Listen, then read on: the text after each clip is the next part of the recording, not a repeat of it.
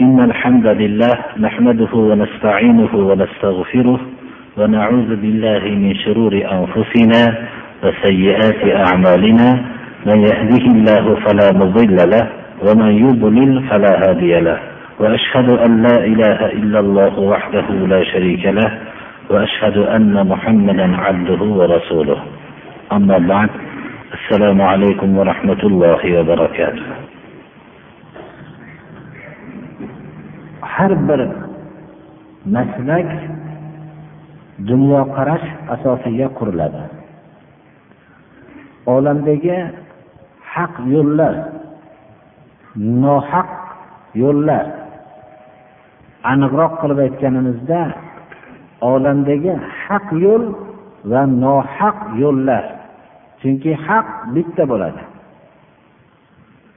Har bir maslak dunyoqarash asosiga quriladi. Shu dunyoqarashdan maslak kelib chiqadi. Masalan dunyoqarash nima? Dunyoqarash insonning qalbida mahkam turuvchi bir savollar borki bu ro'barudagi dunyo olam nima? Qanday vujudga kelgan? Va bundagi insonlarning tutgan o'rni nima? Qanday o'rinni tutadi? Bu yerdagi mavjudot bilan jonli mavjudot bilan bu jonsiz mavjudot va inson o'rtasidagi aloqa nima? Mana bu savollar modomiki inson majnunlar ya'ni aqlsizlar olamiga o'tmagan bo'lsa bu savol uning qalbida mahkam turib oladi va bu savolga javobni insondan talab qiladi. Mana shu savollarga dunyodagi hamma maslak turlicha javob bergan. Ba'zi maslaklarning javobini nahotki shu narsani ham javobni inson tasdiqlashligi mumkinmi deb hayron qoladi. Lekin shunday bo'lsa ham shunchalik tasdiqlashligi mumkinmi deb hayron qoladigan bo'lsa ham tasdiqlangan odamlar tarafidan agarki hech bir inson tasdiqlashligi mumkin bo'lmaydigan darajada bo'lsa masalan olamni o'z öz o'zidan bo'ldi degan falsafa hech tasdiqlanishligi mumkin emas edi. Modomiki inson aqlli holatda turadigan bo'lsa aql ne'matidan bir ozgina bo'lsa ham ulushi bo'lsa bu falsafani tasdiqlashligi mumkin emas edi. Lekin shu narsani tasdiqlab shu narsa haqida odamlarga bu dars qilib uzoq vaqtlar o'qitilindi olamni o'z öz o'zidan bo'ldi degan narsani hech bir inson tasdiqlashligi mumkin emas edi. Chunki biror bir insonning o'zini hayotida bir narsani o'z öz o'zidan bo'ldi desa shu falsafani tasdiqlab yurgan odamlar hech bir narsani o'z öz o'zidan bo'lganligini tasdiqlamaydigan kishilar masalan biror bir joyda oddiy bir tuproqdan bo'lgan bir balandlik paydo bo'lib qolgan bo'lsa shu narsani kim qildi deb savol qilinsa o'z öz o'zidan bo'lib qolgan. Deyilsa hech kim bu narsani aqlli kishi bu gapni aytmaydi deb mabodo biror bir jinoyat sodir bo'lib qolgan bo'lsa biror bir kishi qatl qilingan bo'lsa uning jasadi bir joyda yotgan bo'lsa bu narsani kim qildi degan savol o'z öz o'zidan bo'lib qoldi desa biror kishi bu narsani tasdiqlamagan. Ammo shunchalik olamni murakkab olamni o'z öz o'zidan bo'lib qoldi degan falsafa odamlar tasdiqlashib kelgan shu narsani. Shu haqda unvonlar olgan bo'lib ham ilmiy unvonlar olgan. Lekin inson ichidagi alloh subhana va taolo yaratgan fitrat doim uni bu narsani tasdiqlamaslikka undaydi. Qandaydir bir ilohiy kuch borligini qalb tasdiqlab turadi. Umrbod bir iymon haqida biror bir masalani eshitmagan kishilarning qalbi ham. Shu dunyoqarash nihoyat darajada insonga bir zarurdir. Islom o'ziga xos bir dunyoqarash insonlarga berdiki bu dunyoqarash qiyomatgacha o'zgarmaydigan dunyoqarash va shu dunyoqarashi asosida o'zining maslakini kitob va sunnatda e'lon qildi. Alloh subhanahu va taolo bu olamni yaratdi. Bu yaratgan olamdagi tamomiy mavjudotning o'zining xalifasi inson uchun yaratdi.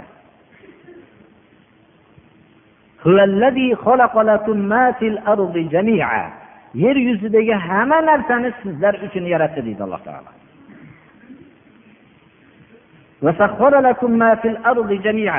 Ya'ni yer yuzidagi narsalarni hammasini sizlarga bo'ysundirdi. Alloh subhana va taolo insonni o'zini xalifasi qilib ulug' mukarram qildi. Odam avlodini mukarram qildik deb alloh taolo kitobida yod qildi. Demak olamni alloh subhana va taolo yaratdi. Olamdagi tamomiy mavjudotni inson uchun yaratdi. Insonni ollohni xalifasi deb islom shunday deb mukarram qildi. Va inson ollohning tarafidan topshirilingan xilofat vazifasini o'tashlik uchun yaratildi. Bu ma'nosiz qilib yaratilgani yo'q.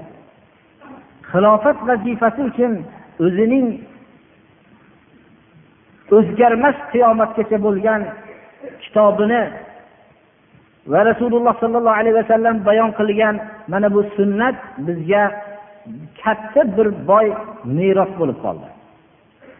Mana bu merosda alloh subhanahu va taolo hamma narsani bayon qildi.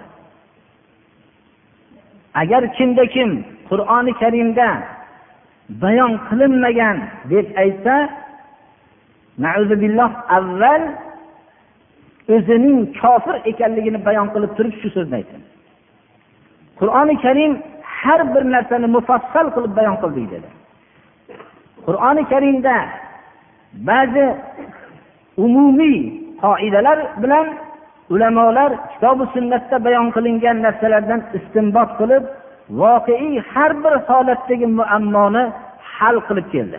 Va qiyomatgacha bu ulamolar toifasi yo'q bo'lmaydi va hal qilib keladi. Shuning uchun biz bu maslaknidagi ko'p dunyoqarash haqida biz ba'zi darslarimizda bayon qilgan bo'ldik. Shu dunyoqarashdan kelib chiqqan har bir odamning o'zini dunyoqarashiga qarab maslak kelib chiqadi deb aytdik darsimiz avvalida. Agar insonni xalifa deb tan olingan dunyoqarash bilan qur'oni karimdagi hukmlarni hammasini hayotga tadbiq qilishlik kelib chiqadi. Agar insonni hozirgi vaqtda juda ko'p muammolarni kishilar hal qilmoqchi bo'lishadi. Lekin bu muammolar hal qilinmasdan qolaveradi modomiki kitobi sunnat hayotga tadbiq qilinmasa. Nima uchun? Hayotdagi bo'layotgan buzuq ma'naviy buzuqliklar bular hammasi yo'q bo'lib ketmaydi hech qachon. Modomiki kitobi sunnat hayotga tadbiq qilinmas ekan. Chunki bu muammolar hammasi buzuq dunyoqarashdan kelib chiqqan. Insonni ajdodini maymun deyishlikdan kelib chiqqan. Inson ajdodi maymun bo'lgandan keyin unga hayotning maymuncha hayot bo'ladi. Uning hayotida ma'naviy buzuqlikdan boshqa narsa bo'lmasligi kerak. Shuning uchun bu ma'naviy buzuqliklarning yo'q bo'lishligi insonning birinchi dunyo qarashini yo'q qilinmoqligi kerak.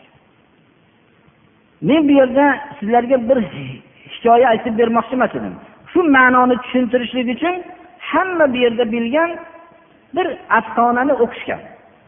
Bu afsona shuki bir kishining uchta o'g'li bo'lib u uchta o'g'li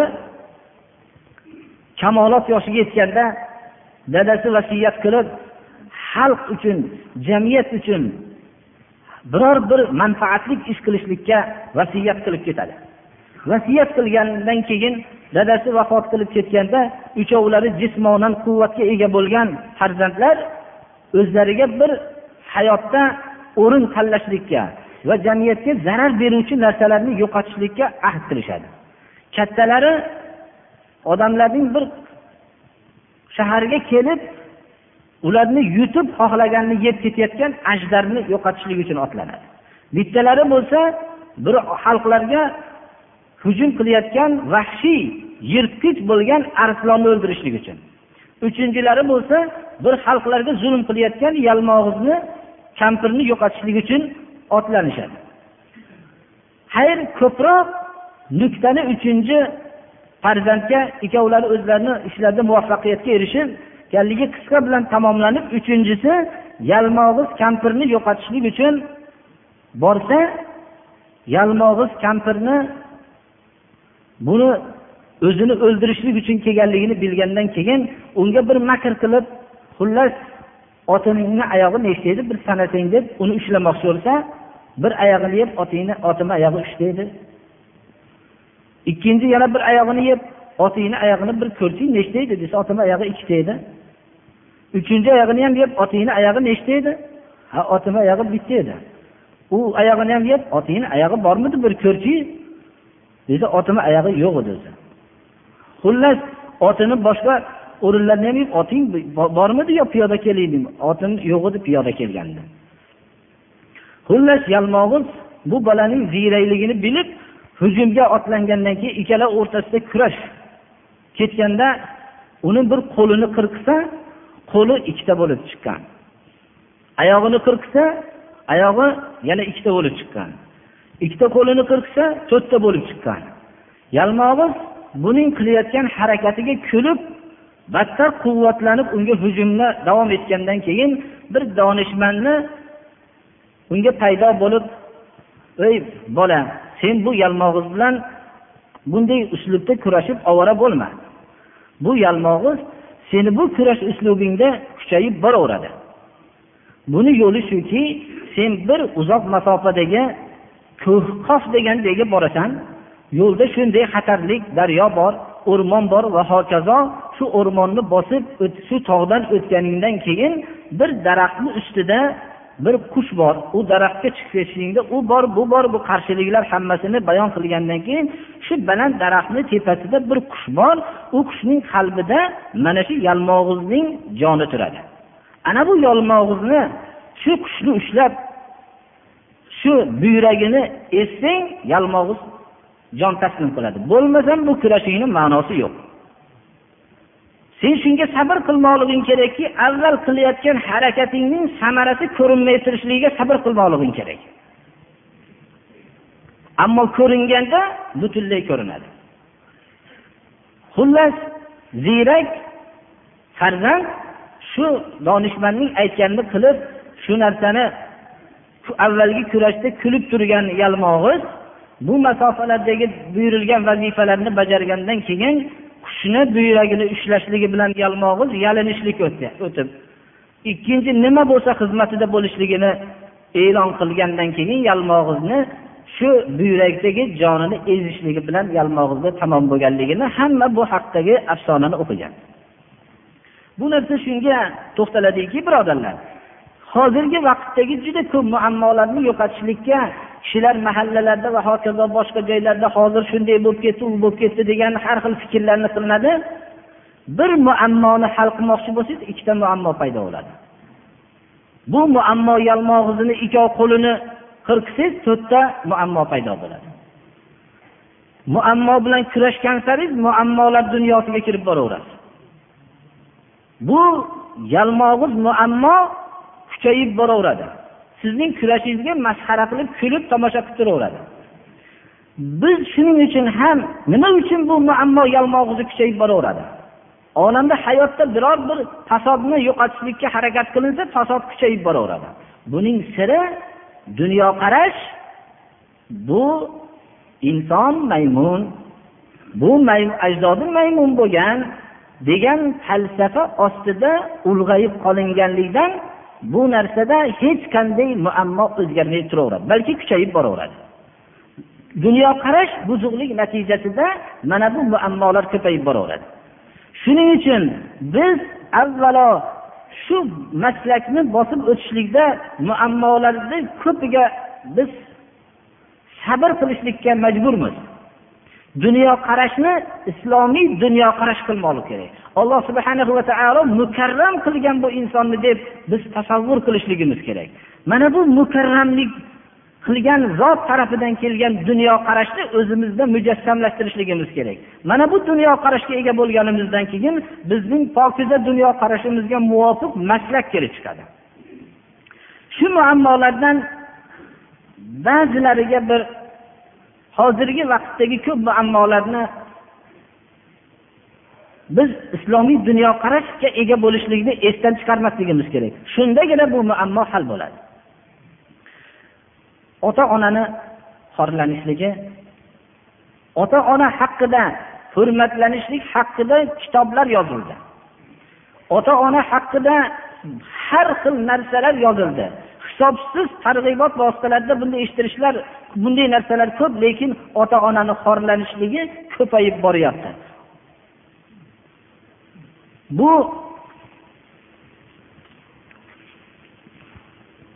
qarindoshlarga muruvvat qilishlik kerak qarindoshlarni xor tashlamanglar degan nasihatlar son sanoqsiz bo'lgan.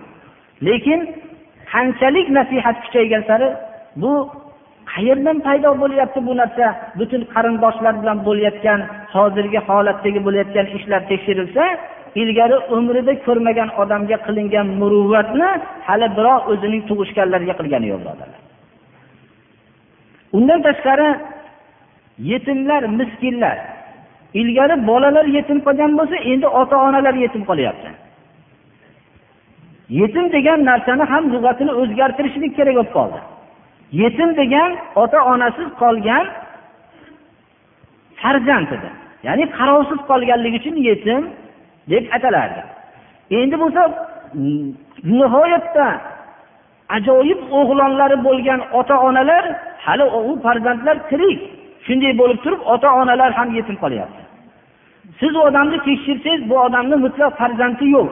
Balki bu odam bir mahallada emas sahroda tug'ilgan bo'lsa kerak shuning uchun shu joyga kelib qolgan bo'lsa kerak deysiz.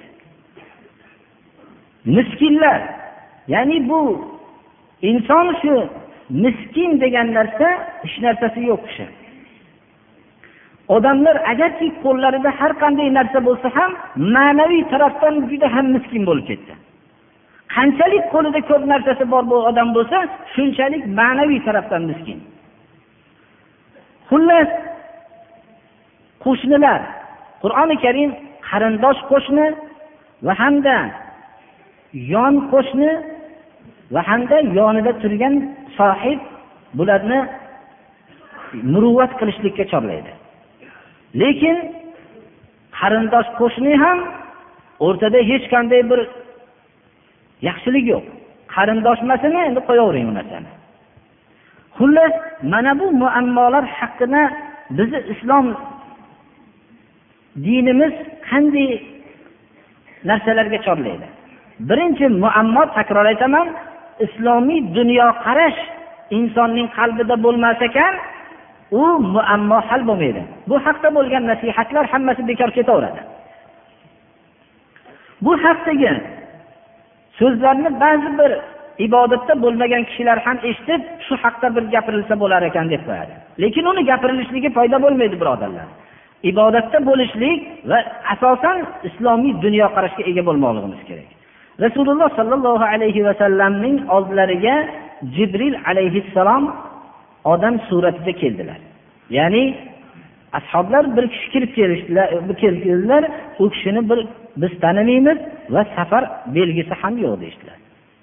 Rasululloh sollallohu alayhi vasallamning oldilariga kelib iymonni so'radilar. Iymonni bayon qildilar. Hammanglar eshitgansizlar islomni so'radilar. Islomni bayon qildilar. Va hamda qiyomatni qachon bo'lishligini so'radilar. Aytdilarki so'raluvchi so'rovchidan olimroq emas dedilar qiyomatni alomatlaridan so'radilar. Qiyomatni alomatlaridan bir nechasini bayon qildilarda va bittasini shu yerda cho'ri o'zining hojasini tug'ishligi ham qiyomatni alomatlaridan dedilar. Ya'ni ota onalar onalar o'zining tuqqan farzandiga xizmatkor manzilatda bo'lib qoladi dedilar. Va shunda ehsonni so'radilar. Ehson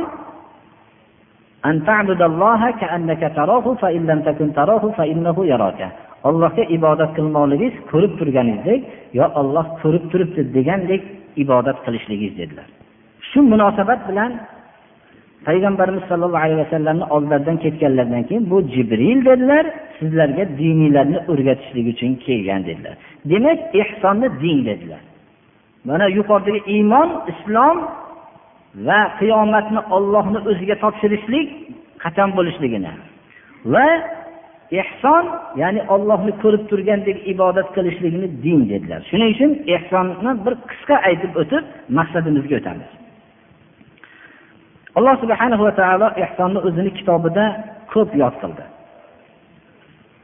وأنفقوا في سبيل الله ولا تلقوا بأيديكم إلى التهلكة وأحسنوا إن الله يحب المحسنين dedi. Abu Ayyub al-Ansoriy mana shu oyatni tafsirida oyatning lug'aviy qisqacha mazmuni Allohning yo'lida infoq qilinglar. O'zinglarni halokatga tashlamanglar. Va ahsinu ya'ni yaxshilik qilinglar ehson qilinglar. Olloh muhsinlarni yaxshi ko'radi. Vallohu yuhibbul muhsinin. Sura oli imronda ikki joyda keladi.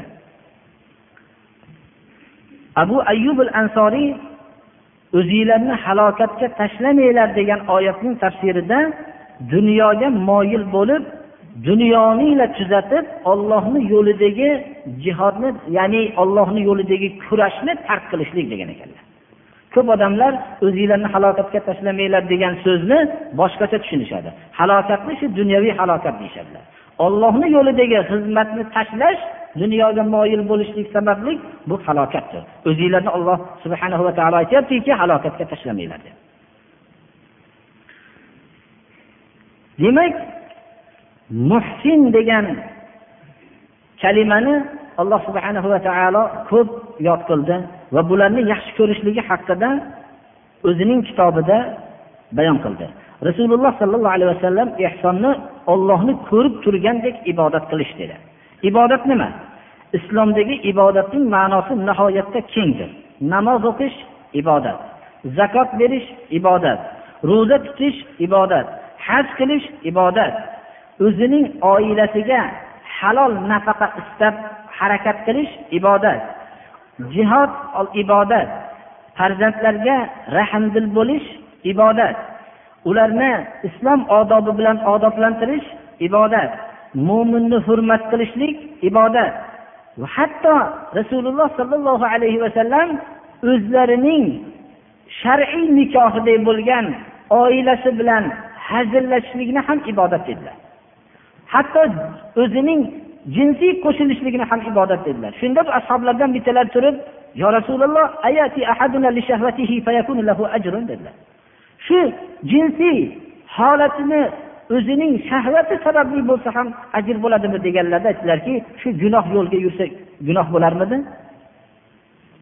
Dedilar ha shunday bo'lsa shu gunohdan o'zini tiyganligi uchun ibodat dedilar islom rahboniyat emas birodarlar. Ya'ni tarki dunyochilik emas. Ibodat hayotning buyruqlarini hammasini ollohni buyrug'iga muvofiq qilishlik ibodatdir. Har bir muboh ruxsat berilingan narsani ollohni rizosini niyat qilishlik bilan bu narsa ibodatga aylanadi. Hattoki bir kishi uxlasa ollohni ibodatiga baquvvat bo'lay deb nashot bilan ibodat qilay biror bir faqir muhtojlarning xizmatlarini qilishlik uchun jismonan quvvatli bo'lay deb niyat qilingan uyqu ham ibodatdir. Nafaslari tasbeh manzilatda bo'ladi. Ollohni shukur qilib halol taomni yeb pokiza taomlarni yeyishlik ibodat. Ollohni ozroq bergan rizqiga qanoat qilib sabr qilishlik ibodatdir. Xullas bizdan islom shuni talab qilganki hayotdagi shariat buyurgan buyruqlarni olloh meni ko'rib turibdi yo ollohni ko'rib turibman degandek qilishligimizni talab qilgan. Mana bu ehson rasululloh sollallohu alayhi vasallam aytgan eng oliy ibodatdir. Demak inson shuni ko'z oldiga keltirishligi kerakki hayotdagi islomni buyurgan buyruqlarni olloh ko'rib turibdi yo ollohni ko'rib turibman degandek e'tiqod qilmoqligi kerak. Mana bu bizdan talab qilingan narsa doim olloh ko'rib turibdi degan fikrni doim o'yg'oq holatda qoldirishlikdir. Muhsin har bir narsadan eng yaxshisini olgan kishi yoyinki husn ya'ni chiroyli amallarning doirasida qolgan kishidir. Qabihga o'tib ketmagan kishini muhsin deymiz. Va o'zining shu qilayotgan amalida olloh ko'rib turibdi degan his tuyg'uni doim o'zida qalbida mujassamlashtirib turgan kishini muhsin deymiz. Alloh subhanahu va taolo ko'p narsalarda o'zimizda ehson sifatini hozirgi aytgan ollohni ko'rib turgandek sifatni paydo qilishlikka buyurdi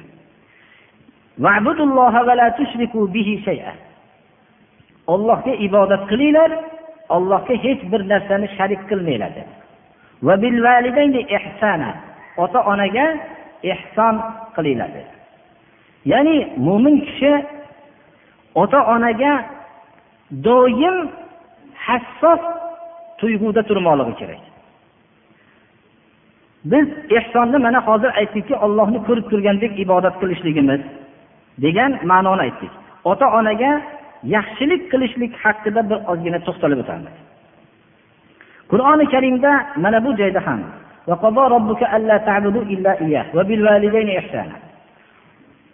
faqat ollohgagina ibodat qilishlikka olloh buyurdi va ota onaga yaxshilik qilishlikka buyurdi.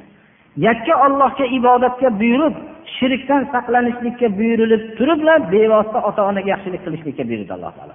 Bu mana qur'oni karimni bir necha o'rinlarda keldi. Va mo'min kishini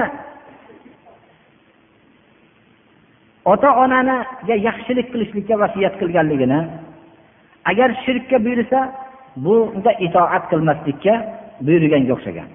Mabodo ota ona shirkka buyursa uni itoat qilinmaydi mana shu ikkovi iborani takror aytamizki yakka ollohga bo'lgan ibodatdan keyin bevosita ota onaga yaxshilik qilishlikka alloh taolo buyurdi rasululloh sollallohu alayhi vasallamdan amr ibn osning o'g'illari rivoyat qiladilarki abdulloh ibn amr ibn os roziyallohu anhu rasululloh sollallohu alayhi vasallam aytdilarki deb robbi fi ribol valid va sahotur robbi fi sahotil valid.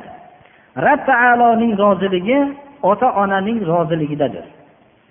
Rob taoloning g'azabi ota onaning g'azabidadir. Ota ona g'azab qilsa ollohning olloh g'azab qiladi. Ota ona rozi bo'lsa rob taolo rozi bo'ladi. Imom muslim abu hurayradan rivoyat qildilarki rasululloh sollallohu alayhi vasallamdan rog'ima anfuhu rog'ima anfuhu rog'ima anfuhu.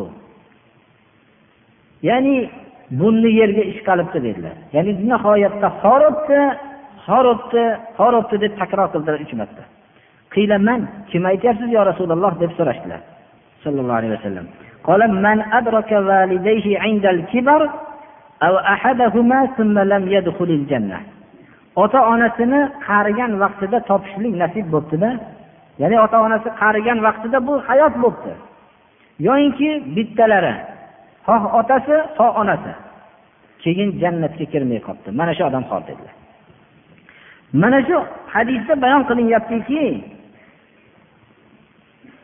demak ollohni ibodati ota onaga yaxshilik qilmasdan turib maqbul emas ekanligiga ishora bo'lyapti. Demak insonning ibodati maqbul bo'lsa jannatga dohil bo'ladi. Agar ota onasini qarigan vaqtida topsa ollohga ibodat qilgan ibodati maqbul bo'lishligi ota onasiga yaxshilik qilishlikka bog'liq ekanligi dalolat qilyapti chunki qarigan vaqtida topib turib jannatga kirmay qolgan odam xor deyaptilar. Demak har qanday qilayotgan amali ota onaga yaxshilik qilishlikka bog'lanmas ekan alloh subhana va taolo uni jannatga dohil qilmaydi.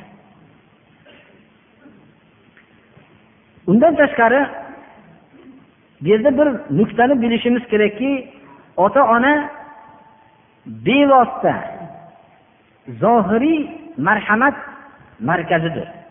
Ota ona albatta farzandga yaxshilik qilganligi aniq ko'rinib turibdi va bevosita yaxshilik qilganligi ham ko'rinib turibdi.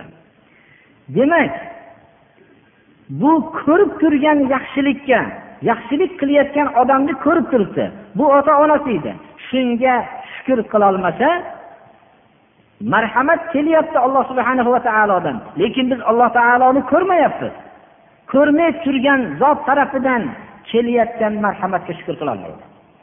Marhamat qilib turgan ota onani ko'rmay turib ko'rib turgan soatida shukur qilolmasa ko'rmay turgan zotga shukur qilolmaydi. Ota ona farzandga xizmatkor bo'lgan go'daylik vaqtida farzand ota onani hojasi bo'lgan kichkinalik vaqtida. Buyursa kichkinalikda ishora qilsa tili chiqmagan vaqtda ota ona itoat qilib hozirlaydi. Agar tobi yo'q bo'lib qolsa buyruq qilishligidan tashqari ishorasiga har qanday mashaqqatni olib keladi. Demak go'daklik vaqtida inson ota onasining hojasi bo'lib yashaydi. Xohlasa ustiga minadi. Hoja qanday yashagan bo'lsa balki hojamga xodim bir malolat bilan qaragan bo'lsa ham ammo bu bola bo'lgan sayyid bo'lib hoja bo'lib turgan go'daylik vaqtida muhabbat bilan qaraydi ota ona xizmatkor bo'lib turganda. Go'daylik vaqtida ota ona nihoyat darajada farzandga muruvvat qilgan.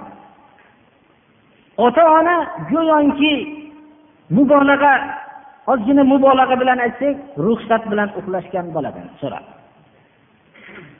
ota ona boladan ruxsat bilan uxlagan deb aytsak xato qilmagan bo'lamiz rohatlanishlik ham ruxsat bilan bo'lgan. Go'daylik vaqtida hamma qiyinchiliklarni ota ona ko'taradi. Demak bular hammasi birodarlar bu qarzi endi qarigan vaqtda ham ota ona bolalik vaqtidagi bizning injiqligimizga o'xshagan ba'zi injiqliklar qilishligi mumkin. Mana bu narsani biz bizni shavq zavqi bilan bizni injiqligimizni ko'targanga o'xshagan biz ham ba'zi vaqtdagi bu qilgan injiqliklarimizni ba'zisiga duchor bo'lib qolsak ota onadan ko'tarmoqligimiz kerak. Yana takror aytamiz ollohga osiy bo'ladigan ishlarga buyurgan vaqtda biz hech kimga itoat qilmaymiz bir buyruq borki kim tarafidan bo'lsa ham allohga osiy bo'linadi bunda. Bunda itoat qilinmaydi. Ota ona o'zining farzandini hammadan ortiq ko'radi. Albatta allohni muhabbatidan mo'min kishini qalbida farzandning muhabbati ortiq bo'lmaydi. Rasulining muhabbatidan farzandning muhabbati mo'min kishining qalbida muhabbati masalan muhammad alayhissalomni muhabbatidan ortib ketmasligi kerak. Lekin boshqalardan hammasidan farzandni ortiq ko'radi. Shunday bo'lgandan keyin biz ham ota onani boshqa hammadan ortiq ko'rmoqligimiz kerak. Undan tashqari rasululloh sollallohu alayhi vasallamning oldilariga bir kishi keldilarda yo rasululloh man قال أمك ثم من ummuka أمك قال ثم ummuka قال ثم أبوك abuka. Meni eng yaxshi suhbatimga haqli bo'lgan kim? Yo rasululloh deb bir kishi kelib so'radilar. Shunda onangiz dedilar. Yana so'radilar undan keyingisi onangiz dedilar. Undan keyingisi onangiz dedilar. Undan keyingisi deganlarda dadangiz dedilar. Uch marta onaning otadan haqqi ko'pligiga ishora qildi. Mana bu narsa bilan hammamiz o'zimizning bir xatoyimizni shu hozirgi asrda shu muammoki demak biz hozirgi fikr bilan ota onamizni farzandimizdan va oilalarimizdan ortiq ko'rmoqligimiz kerak. Birodarlarimizdan ham ortiq ko'rmoqligimiz kerak. Hozirgi vaqtda shunday hamma ko'p aksar oilalarda balki nihoyatda ozlari mustasno bundan ota onani o'zini oilasidan farzandidan birodaridan past ko'radi. So'z bilan so'z bilan bu hamma ota onasini ortiq ko'rishligi kifoya qilmaydi birodarlar. Amaliy suratda tekshirsangiz hamma o'zini oilasini farzandini va birodarlarini ota onasidan ortiq ko'radi. Ota ona bizni hech kimdan ortiq ko'rmagan. Ya'ni e, e, hammadan ortiq ko'rgan demoqchiman. Hammadan ortiq ko'rar ekan biz ham ota onani hammadan ortiq ko'rmoqligimiz kerak. Musulmon odam ayollarni boshqaruvchi sayyida. Ayollar ya'ni qayyim ularni nazorat qilib ularni ustidan tekshirib turuvchi qilib oilada er kishini shunday qilib yaratdi. Demak musulmon odam o'zining ota onasiga sayyid bo'lmasligi kerak ota onasini o'ziga sayyid qilishligi kerak go'daylik vaqtidagi sayyidligi kifoya qiladi. Inson hozirgi vaqtda ota onani rozi qilishlik birodarlar bir tarafdan oson. Chunki oz narsalar bilan ham hamma narsadan yaxshi ko'rishligini e'lon qilishligi bilan rozi qilishlik mumkin. Ya'ni hamma narsadan ortiq ko'raman degan tili bilan shirin tili bilan ozgina narsa muruvvat qilib ham rozi qilishligi mumkin. Yemoq ichmoq bu bu narsalarni ozroq muruvvat qilishlik bilan ham. G'azablangan vaqtlarda xomush bo'lib muloyimlik qilishliklar bilan ota onani rozi qilishlik mumkin. Bir kishi hatto nabiy sollallohu alayhi vasallamning oldilariga kelib jihodga izn so'radilar. Ota onang tirikmi dedilar ota onang haqqida mehnat qilgin dedilar. Kurash shu haqda rozi qilishlik yo'lida kurashgin dedilar. Sihostana hammasida keltirilgan muvatto ibn molikdan boshqasida. Bir kishi keldilarki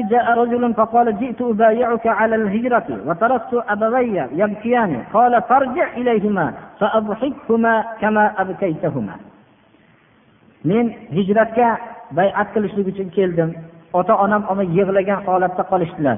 Deganlarda ota onangni oldiga borib kuldirgin xuddi yig'latganingdek degan ekanlar. Johima bu kishi aytadilarki ya rasululloh g'azot qilmoqchiman maslahat uchun keldim dedim deydilar onang bormi? dedilar. Imom nasoiy rivoyatlari. U kishi o'zlarining hadis to'plamlarida keltirganlar ha onam bor degandim onangni mahkam ushlagin jannat oyog'ini ostida dedilar.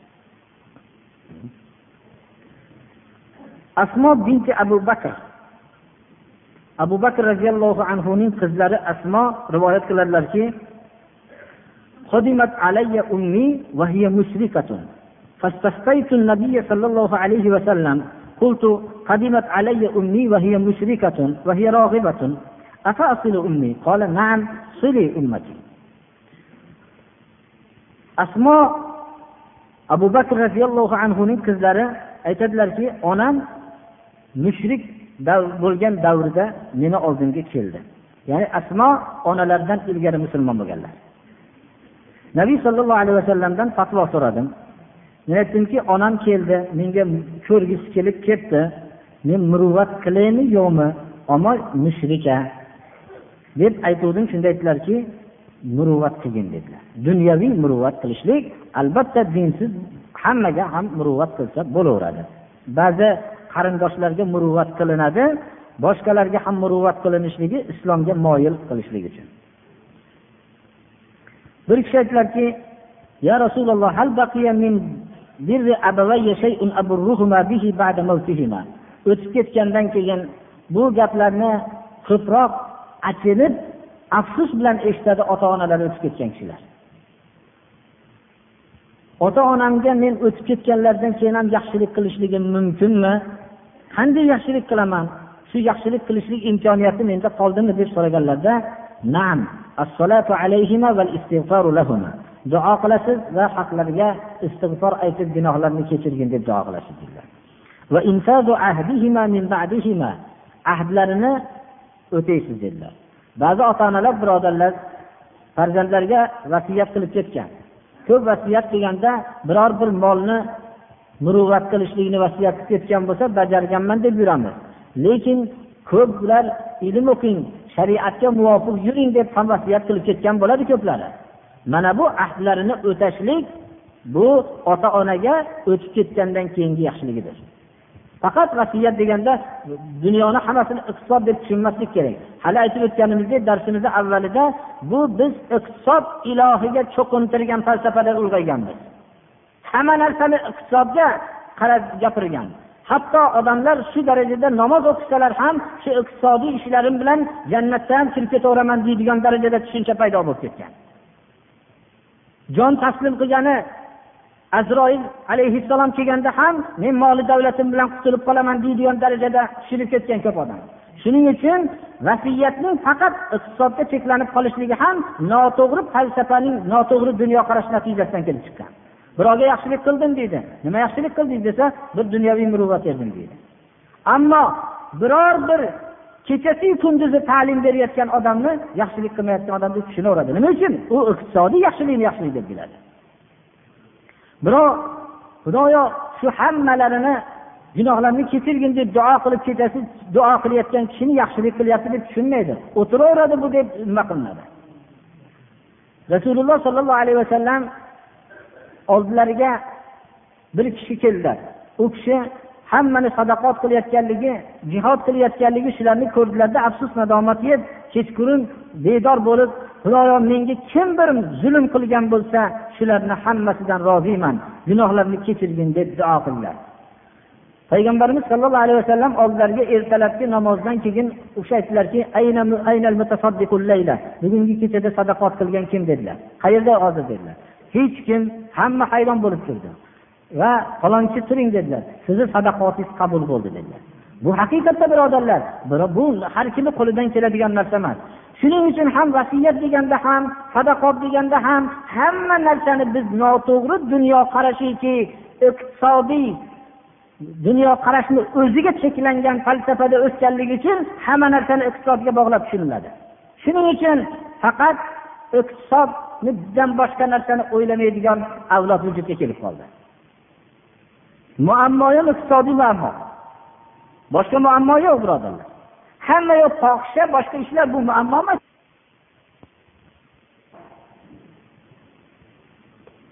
Bu o'lgandan keyingi marosimlarni qilib turib shu bilan endi biz ota onamizni vasiyatini bajarib bo'ldik deb hayotda hech rozi qilmasdan mana bunday tuqush shunday odatlarni paydo qilishlik bizni islomda yo'q birodarlar. Mana bu narsa bilan bir bo'shlikni to'ldirib qo'ydim deb o'ylashlik bu hammasi xato birodarlar.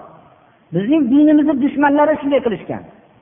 Agar bir kishi qiyomatda so'ralmaydiki nima uchun dadangga uch qilmagansan nima uchun yetti qilmagansan nima uchun qirq qilmagansan degan savol hech qachon bo'lmaydi. Xotirjam bo'ling. Dunyodan xotirjam ketavering bu sohada. Ammo nima uchun besh vaqt namoz o'qimagansan degan savol birinchi bo'ladi. Namoz o'qigan odamdan ham savol birinchi namoz so'raladi.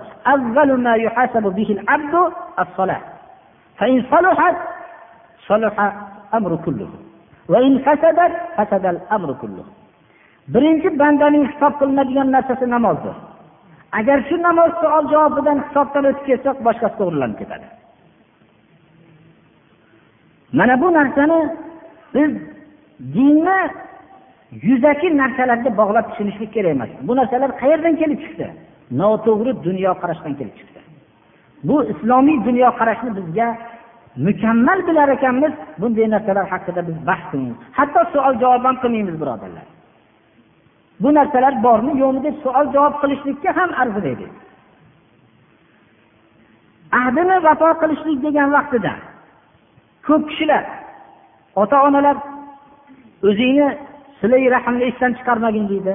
Olim ota onalar ilmni mendan keyin egallagin hayotimda egallamading deydi. Mana bu ahdlarini o'tamoqlik kerak. Shunday yana ota onaga yaxshilik qilishlik silai rahm bilanki faqat ota onaga bog'liq bo'lgan birodarlari bilan aloqada bo'lishlik bilan ham o'taladi birodarlar. Birodarlarni hurmat qilishlik bilan. Qurba qarindoshlarga silay rahm qilish haqida. Alloh subhanahu va taolo yerda buzg'unchilik qilishlik bilan qarindosh ulug' bo'lgan birodarlari bilan aloqada bo'lishlik bilan ham o'taladi birodarlar. Birodarlarni hurmat qilishlik bilan. Bizil qurba qarindoshlarga silay rahm qilish haqida. Alloh subhanahu va taolo yerda buzg'unchilik qilishlik bilan qarindoshlar bilan aloqa qilishlikni barobar zikr qildi فهل عسيتم إن توليتم أن تفسدوا في الأرض وتقطعوا أرحامكم yerda buzg'unchilik islomdan burilib yerda buzg'unchilik qilib va qarindoshlar bilan aloqalarni uzasizlarmi dedi ya'ni alloh subhana va taolo buyurgan qarindoshlar bilan aloqada bo'lishlik yodimizdan chiqmasin chunki bu kalima yana biz dunyoqarashimiz to'g'rilangandan keyin bu gapni biz to'g'ri tushunaveramiz savol qilinmasinki dinga qarshi bo'lib yurgan ba'zi qarindoshlarimiz bor degan savolni dunyoqarashi tuzuk bo'lgan odam bermaydi. Tushunaveradi bu narsani. Alloh subhana va taolo ba'zi narsalarga buyurgan ba'zi narsalardan qaytargan. Silay rahm ollohning rizosiga yetishlik kalididir. Hadis sharifda rasululloh sollallohu alayhi vasallam aytdilarki imom buxoriy va imom muslim jomi sahiylarda keltirganlar abu dovud sunanlarda keltirganlar. La jannatga kirmaydi qarindoshlaridan aloqani uzgan dedilar. imom termiziy va imom abu dovudni rivoyatlarida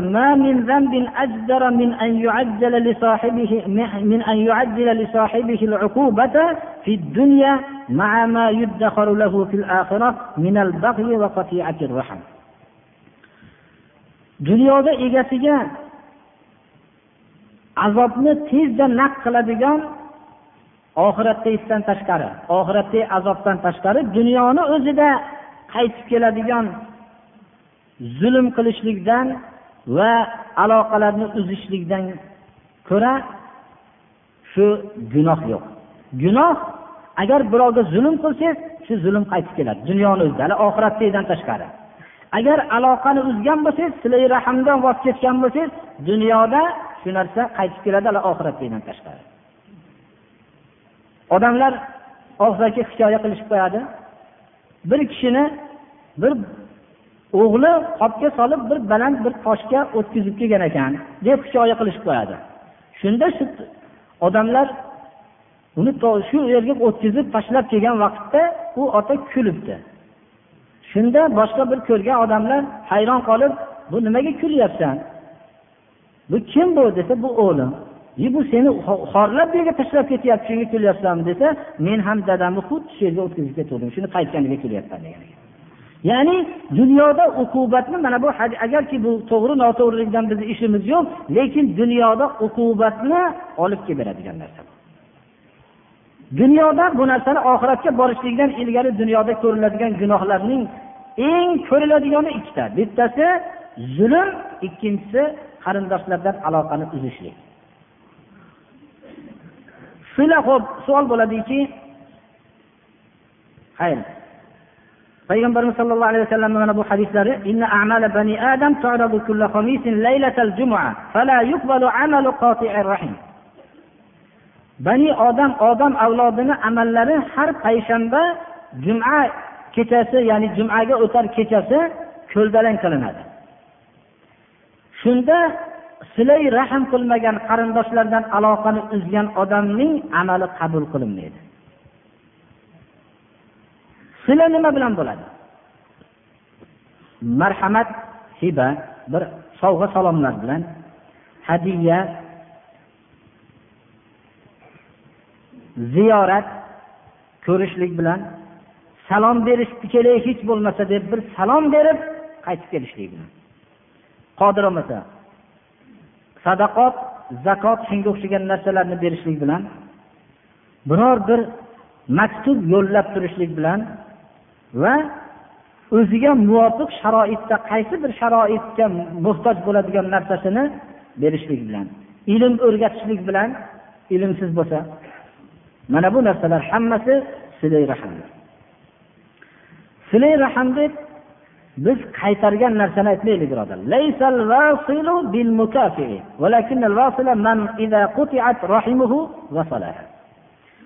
biz hammamiz bordi keldi qilish degan narsani bordi keldi deb qo'yiladi o'zi kelgan bo'lsa bordi bo'ladi. O'zi nomi ham shunga muvofiq ekan. Hech kimdan bir bordi bo'lmaydi keldi bo'lsa bordi bo'ladi.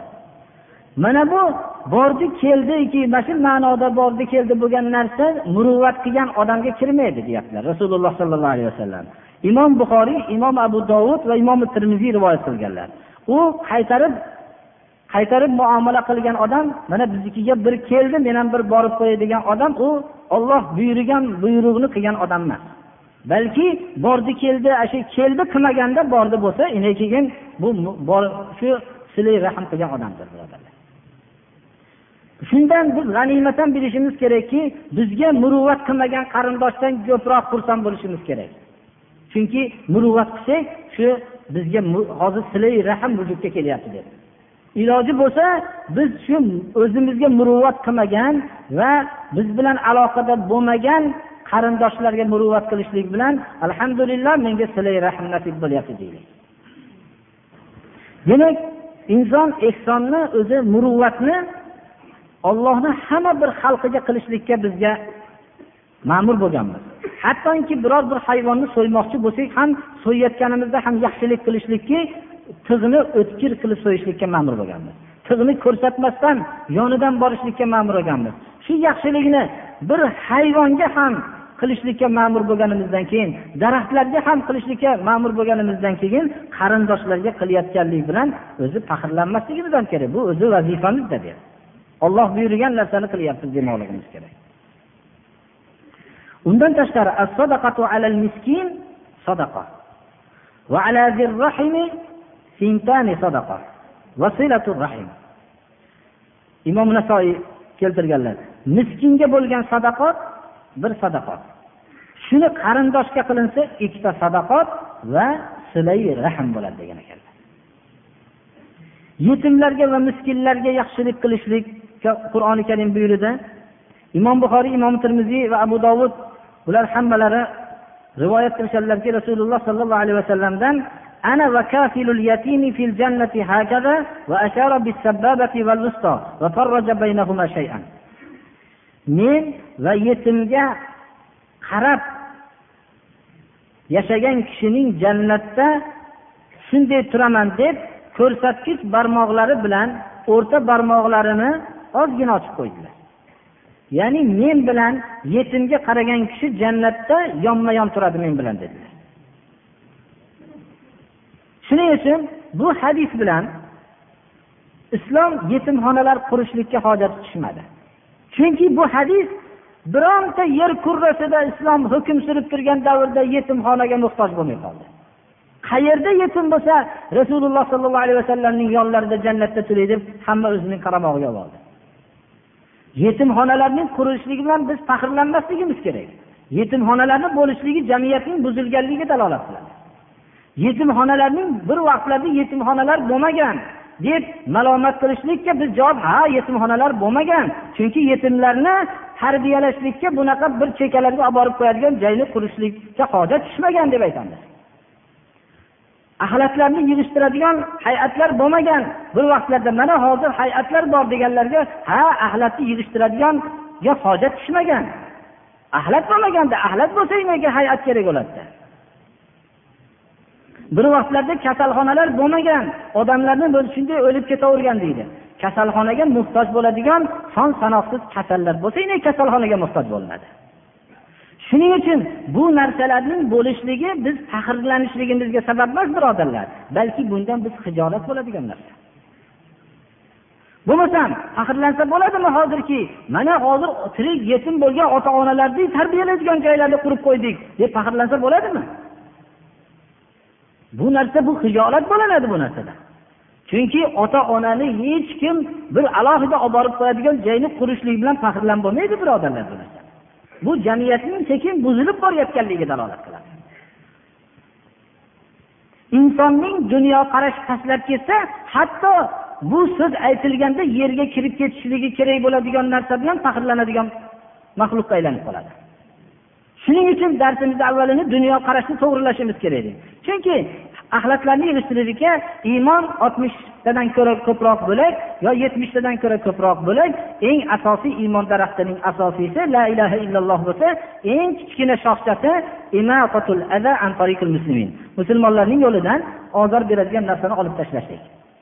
Mana shu hadis sharif bilan axlatlarni yig'ishtiradigan hay'atlarga muhtoj bo'lmagan islom.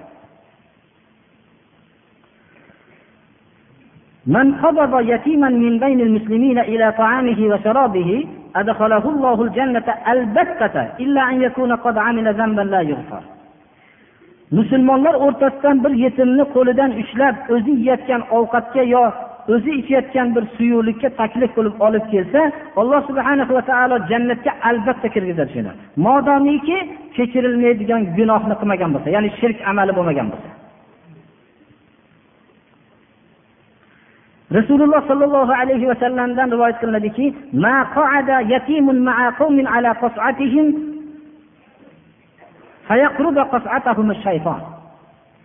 yetim bir odamlarning taomiga sherik bo'lib qolsa ularning taomlariga shayton yaqin kelmaydi dedilar.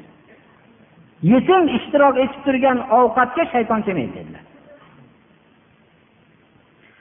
Bir kishi payg'ambarimiz sollallohu alayhi vasallamga qalbining qoraligidan meni qalbim tosh bir yig'i kelmaydi menga bir erimaydigan bir qalbim qattiq deb shikoyat qildi. Shunda aytdilarki yetimni boshini silagin va miskin odamni yedirgin dedilar. Yetimni boshini silash miskinga bir taom yediring hayotingizda bir hech kim muhtoj bo'lib turgan odamni oldida taom tayyorlab borib bir yediring qalbingizdan eriydi ko'zingizdan yosh oqadi. Siz odatda uni hech o'ylamasdan yeyotgan ovqatingizni u yeyotgan vaqtidagi lazzatlanib xursandlik quvonchini ko'rib shu oddiy ovqatimga quvonyapti deb qalbingizdan ko'zingiz namlanadi va o'zingizdagi ne'matlarni juda ko'p ko'rasiz. Nihoyatda ne'matlar juda ko'payib ketganligini ko'rasiz. Agar miskinni ko'rmasangiz hech narsa yetmayapti deb yashab yuraverasiz. Qalbingiz tosh bo'lib qorayib boraveradi. Hozirgi jamiyatni buzilayotganligi shuki mana bu miskin yetim bilan birovni ishi yo'q birodarlar.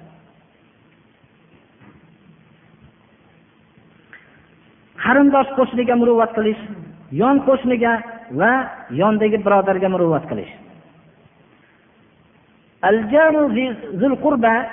Bu qur'oni karimda keladi.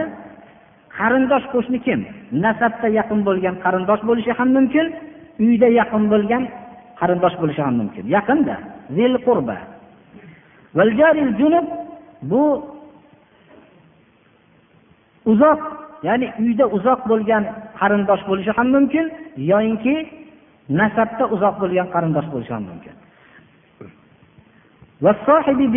Ya'ni yonidagi birodar deydi bir hamkasaba bo'lgan birodarga muruvvat qilishlikka yo madrasada bir o'qigan yo ham hujra mana bu bularga muruvvat qilishlikka shariat buyurdi kofir qo'shnining qo'shnilik haqqi bor. Musulmon qo'shnining qo'shnilik va islom haqqi bor birodarlar. U musulmon u islom bir birimizda haqlarni lozim qilgan. U musulmon. Kofir qo'shnining qo'shnilik haqqi bor. Musulmon qo'shnining qo'shnilik va islom haqqi bor. Endi qarindosh qo'shni bo'lsa qo'shnilik haqqi bor va yaqinlik qarindoshlik haqqi bor va islom haqqi bor.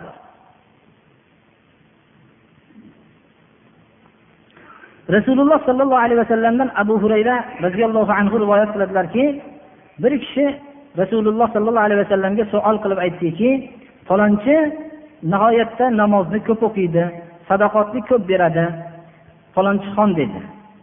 Ro'zani ko'p tutadi lekin qo'shnilariga ozor beradi. Payg'ambarimiz sollallohu alayhi vasallam shuni haqida savol qilinganlarida jahannamda dedilar. Shunda yana bir boshqa falonchixon ro'za nafl ro'zalarni kam tutadi. Namozi nafl namozlarni kam o'qiydi. lekin o'zining qilgan pishlog'idan muruvvat qilib turadi qo'shnilarga tili bilan qo'shnilarga ozor bermaydi deganlarda jannatda dedilar fuzolat ibn ubayddan rivoyat qilinadiki payg'ambarimiz sollallohu alayhi vasallam aytdilarki إمام إن أحسنت لم يشكر وإن أسأت لم يغفر وجار, وجار سوء إن رأى خيرا دفنه وإن رأى شرا أذاعه وامرأة إن حضرت آذتك إن حضرت آذتك وإن غبت عنها خانتك uch narsa uchta balo bor dunyoda rahbarki yaxshilik qilsang yaxshiligingni bilmaydi yomonlik qilsang kechirmaydi bu ham bir balo Yomon qo'shniki yaxshilik yaxshiligingni ko'rsa bekitadi. Yomonligingni e'lon qiladi. Mana bu ham bir balo. Uchinchi balo ayol. Agar bor bo'lsang ozor beradi. G'oyib bo'lsang yo'q bo'lsang xiyonat qiladi. Bu ham bir balo. Alloh subhana va taolodan bu panoh istashlikdan boshqa chora yo'q. Bu rahbar bo'lib turgandan keyin hech iloj yo'q. Shayfali bir hikoyani keltiradilarki podshoh bir tuzalmas kasalga giriftor bo'lib shu tuzalmas kasalni davolanishlik uchun tabiblarga buyruq qilgandan keyin tabiblar mana bu sifatdagi shu ko'rinishdagi shunchalik yoshdagi bolaning shu yuragi dori bo'ladi. Shundan boshqa chora yo'q degandan keyin tabiblar odamlarga buyruq qildi podshoh shu bolani shu sifatdagi shu yoshdagi bolani topib kelindi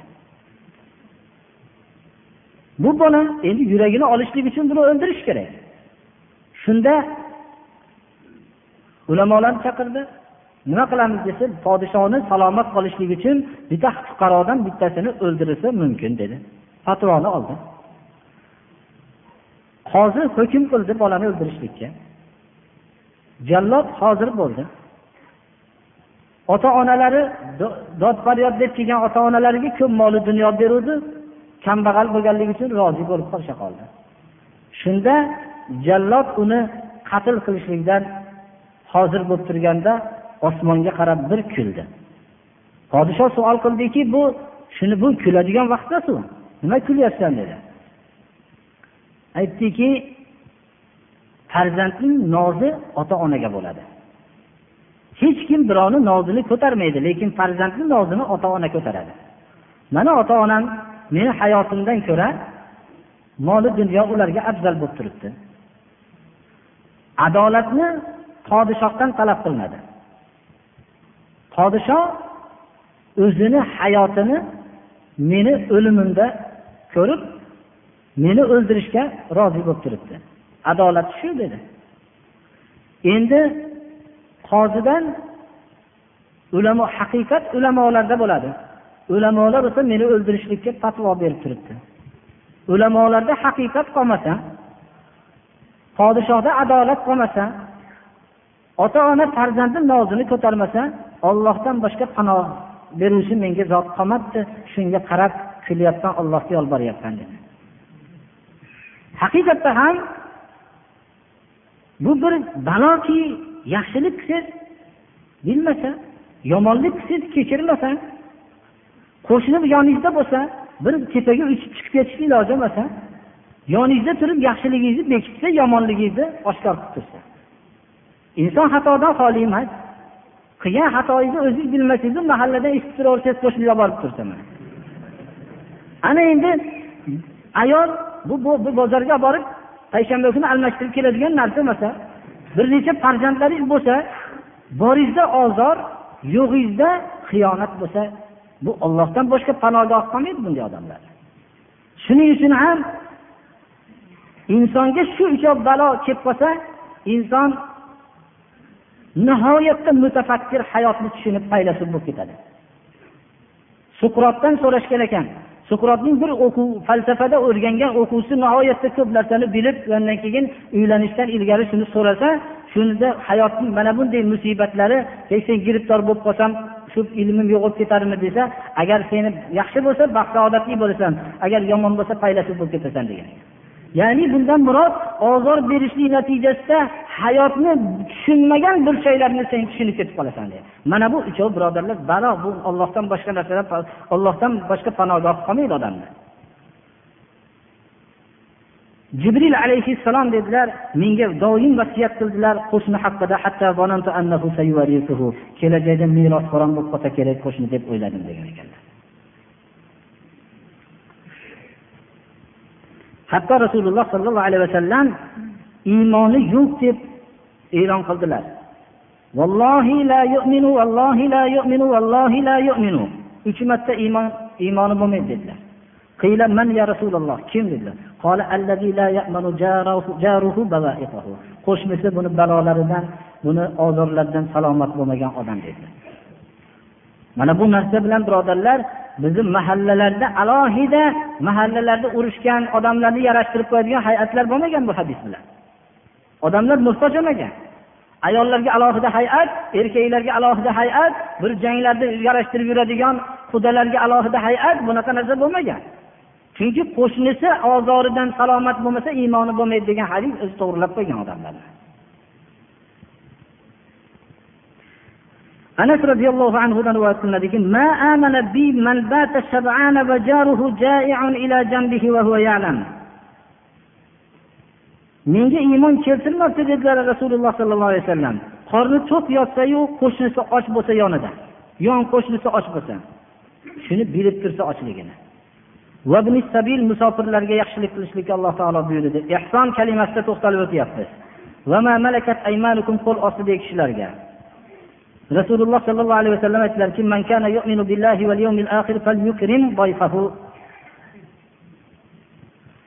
shunda kim ollohi allohga qiyomat kuniga iymon keltirgan bo'lsa mehmonini hurmat qilsin dedilar. Shuni mukofoti ya'ni o'zini mukofoti bilan hurmat qilsin dedilar. Mukofoti nima yo rasululloh deganlarda shu bir kechayu bir kunduz ichida hurmat qilsin dedilar. Kelgan mehmonni ziyofat uch kun bo'ladi uch kundan oshgani sadaqotdir. Ya'ni ziyofat sadaqot emas bu haqqimiz buni o'tashlik ya'ni. Albatta ajrlanamiz lekin o'zimizni haqqimizni o'tayapmiz bu sadaqot uch kundan keyingisidir. Qo'l ostidagi kishilarga yaxshilik qilish haqida shu hadis o'zi bizga kifoya qiladi. Bir kishi nabiy sollallohu alayhi vasallamning oldilariga keldi deb aytadilar abdulloh ibn umar roziyallohu anhu. Ya rasululloh kam afu anil xodim? Bu qo'l ostimdagi xizmatkorni necha marta kechirishim kerak? dedilar. Xomush bo'ldilar. Ya rasululloh kam afu anil xodim? Xodimdan necha marta bir kunda afu qilishim kerak?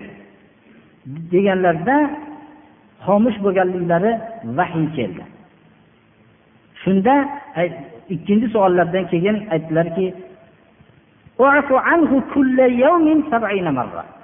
har kuni yetmish marta kechirasan dedilar qo'l ostidagilarga yaxshilik qilgan odam kim o'zining qo'l ostida xizmat qilayotgan odamni yetmish marta bir kecha kunduzda kechirsa إذا صنع لأحدكم خادمه طعامه ثم جاءه به وقد ولي حره ودخانه فليقعده معه فليأكل فإن كان الطعام مشفوها فليضع منه في يده أكلة أو أكلتين aytdilarki sizlarni bittalaringlarni xodimlari taom qilib bergan bo'lsa uni olib kelgan bo'lsa buni issig'i tutunini oldida ish qilgan uni birga o'tkazib yesin. Agar ovqat nihoyatda oz bo'lsa bir ya'ni bir luqma ikki luqma qo'liga berib qo'ysin degan ekanlar abu hurayra roziyallohu anhuni bu kishi allohu alam bu kishi bo'lsalarki abu zar g'iforiy sahobalardan bittalari xullas xodimlari bilan bir xil kiyim olgan holatda ko'rdilar. Shunda sahobalarni bittalari savol qildilarki bu sabab nima? dedilar. Rasululloh sollallohu alayhi vasallam kimni xodimi bo'lsa yegan ovqatidan yedirsin kiygan libosidan kiydirsin dedilar. Shunga amal qilib bir xil libos kiyib oldik dedilar.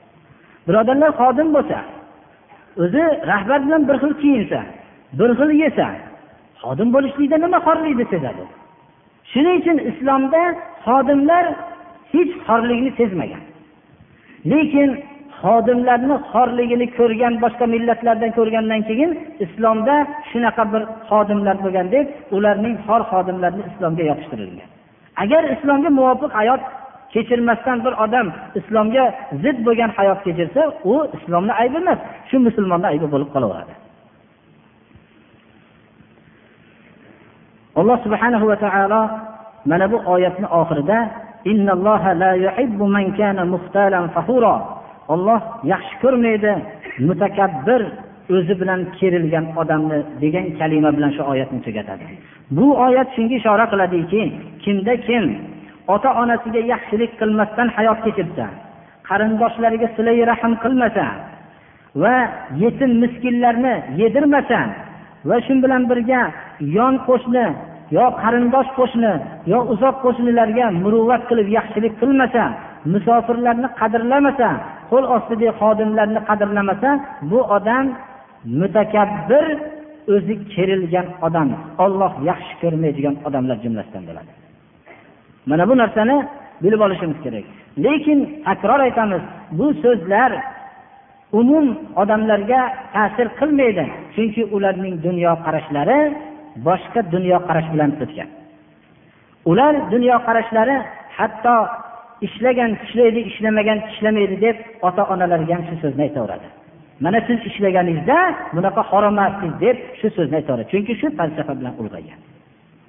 Shuning uchun boshqa ajnabiy millatlarning ota onalariga qarasa ota onalarni mabodo bir xor odamga o'xshatmoqchi bo'lsangiz ajnabiy millatlarning ota onasiga o'xshatavering. Xor olib tashlab ketadi. Nima uchun? Mana bunday dunyoqarash shunday bo'lganligi uchun albatta natija shunday bo'lib chiqadi. Chunki ajdod maymun bo'ladigan bo'lsa maymunlar o'zlarining ota onalarini tashlab ketadi. Shunday bo'lgandan keyin bu boshqalar ham shunday tashlab ketmoqligi kerak. Hayvonlar hech qaysi bolalari ota onalarini bilmaydi. Chunki yana takror aytamiz dunyoqarash islomiy bo'lmasa bu so'zlar manfaat bermaydi birodarlar. Alloh subhanahu va taolo ehsonga buyurdi. Ehson ollohni ko'rib turgandek ibodat qilish ibodat hayot maydonining hammasini o'z ichiga oladi. Hatto uxlash ham ollohni ko'rib turgandek uxlash. Rasululloh sollallohu alayhi vasallam shunday uxlaganlar va bu uyqu bilan quvvat hosil qilishlik jasadimning haqqi jasadimning haqqini o'tamoqligim kerak quvvat hosil qilgandan keyin islomga xizmat qilish nashot bilan qilay degan niyatda uyqu ham ibodatdir birodarlar. Shundan o'zimizga xulosa chiqaramiz. Mana bu mohsin odam shunday niyat bilan ibodat bilan hayotining hamma qismini egallagan ehson bilan amal qilib ibodat qilgan kishini alloh taolo yaxshi ko'rishligini qur'oni karimning bir necha o'rinlarida yod qildi birodarlar ya rasululloh deb salovat aytishlikda ya'ni ya rasululloh kalimasini so'ragan bo'lsalar kerak salovat aytishlik maqsadida sallallohu alayka ya rasululloh desa albatta bo'ladi. Assalomu alayka ya rasululloh. Mana salom berish salovat aytishlikni qayerda bo'lsanglar aytinglar men javob beraman dedilar.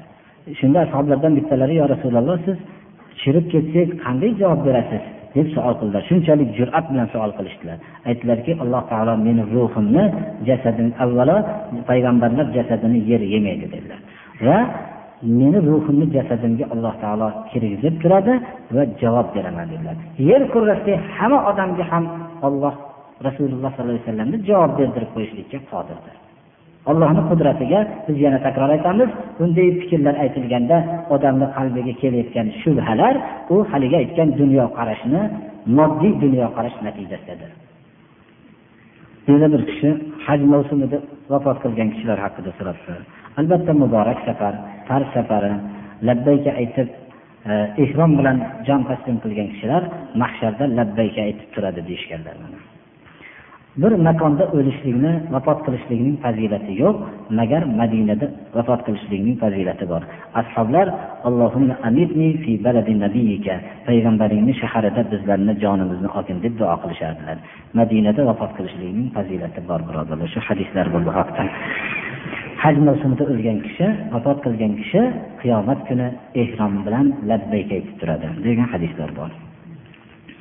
Tahiyatul masjid haqida biz shuni aytamizki kun tikkada turgan vaqtda kun chiqayotganda kun botayotgan vaqtlarda bu vaqtlarda namoz o'qishlik makruh deyishgan ulamolar. Shuning uchun ba'zilar tahiyatul masjid ham shuni jumlasidan deyishgan. Ba'zi kishilar tahiyatul masjidni o'qilaveradi. Magar ertalabki namozni sunnati bilan farzining o'rtasida tahiyatul masjid o'qilmaydi.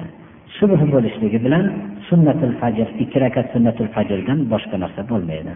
Vallohu alam shunaqa vaqt soatlarda tahiyatul masjid bo'lsa ham o'qilmay turganligi ma'qul bo'lsa kerak. Chunki ozon aytilishligi bilan ikki rakat namoz o'qib olinsa kifoya qilib qoladi shuning uchun ham ozon aytayotgan vaqtda bir kishi kelib qolsa o'tirmay turganligini siri ham shu. Ba'zi odamlar nimaga o'tirmay turibdi bu yerda o'tirsingchi deb qo'yishlari tahiyatul masjid o'qigan bo'lsa o'tiraveradi. Tahiyatul masjid o'qimagan bo'lsa shu yerda tika turib turadiki shu yerda namoz o'qib olish uchun. O'tirgandan keyin soqit bo'lib qoladi birodar tahiyatul masjid o'tirmasdan o'qilinadigan ikki rakat namozdir bu darsga juda ixlosmand kishilar boru hozirgi sayyoralar sayyora ko'pu sayyorani moddasi yo'qligi uchun kelisholmayaptilar bir duo qilib qo'yinglar deb alloh taolo ularni qodir qilsin darsga kelishligiga boshqalar bir duo qiling dedilar alloh subhanahu va taolo mana birinchi shu darsga kelganlar bor debdilar alloh taolo darsni bilib amal qilishlikni hammamizga nasib qilgan qatorda ularga ham nasib qilsin. Yana bir bittalari bir dadamiz bemor debdilar alloh taolo dadalarga shifo bersin ibodatga quvvatli qilsin. Hali bir birodarimiz ham bir duo qiling dedilar. Ko'pchilik o'zi tolib ekanlar bemor ekanlar ko'p davolandimu shunaqa yaxshi bo'lolmayapman dedilar. Alloh taolo shifo qilsin shifo bersin va ilm talabida alloh taolo zavq shavq bersin. Alloh subhanahu va taolo hammamizni ham gunohlarimizni mag'firat qilsin ibodatlarimizni alloh qabul qilsin shu darsimizni davomiy qilsin darsimizni eshitib amal qilishlikka hammamizni ham alloh taolo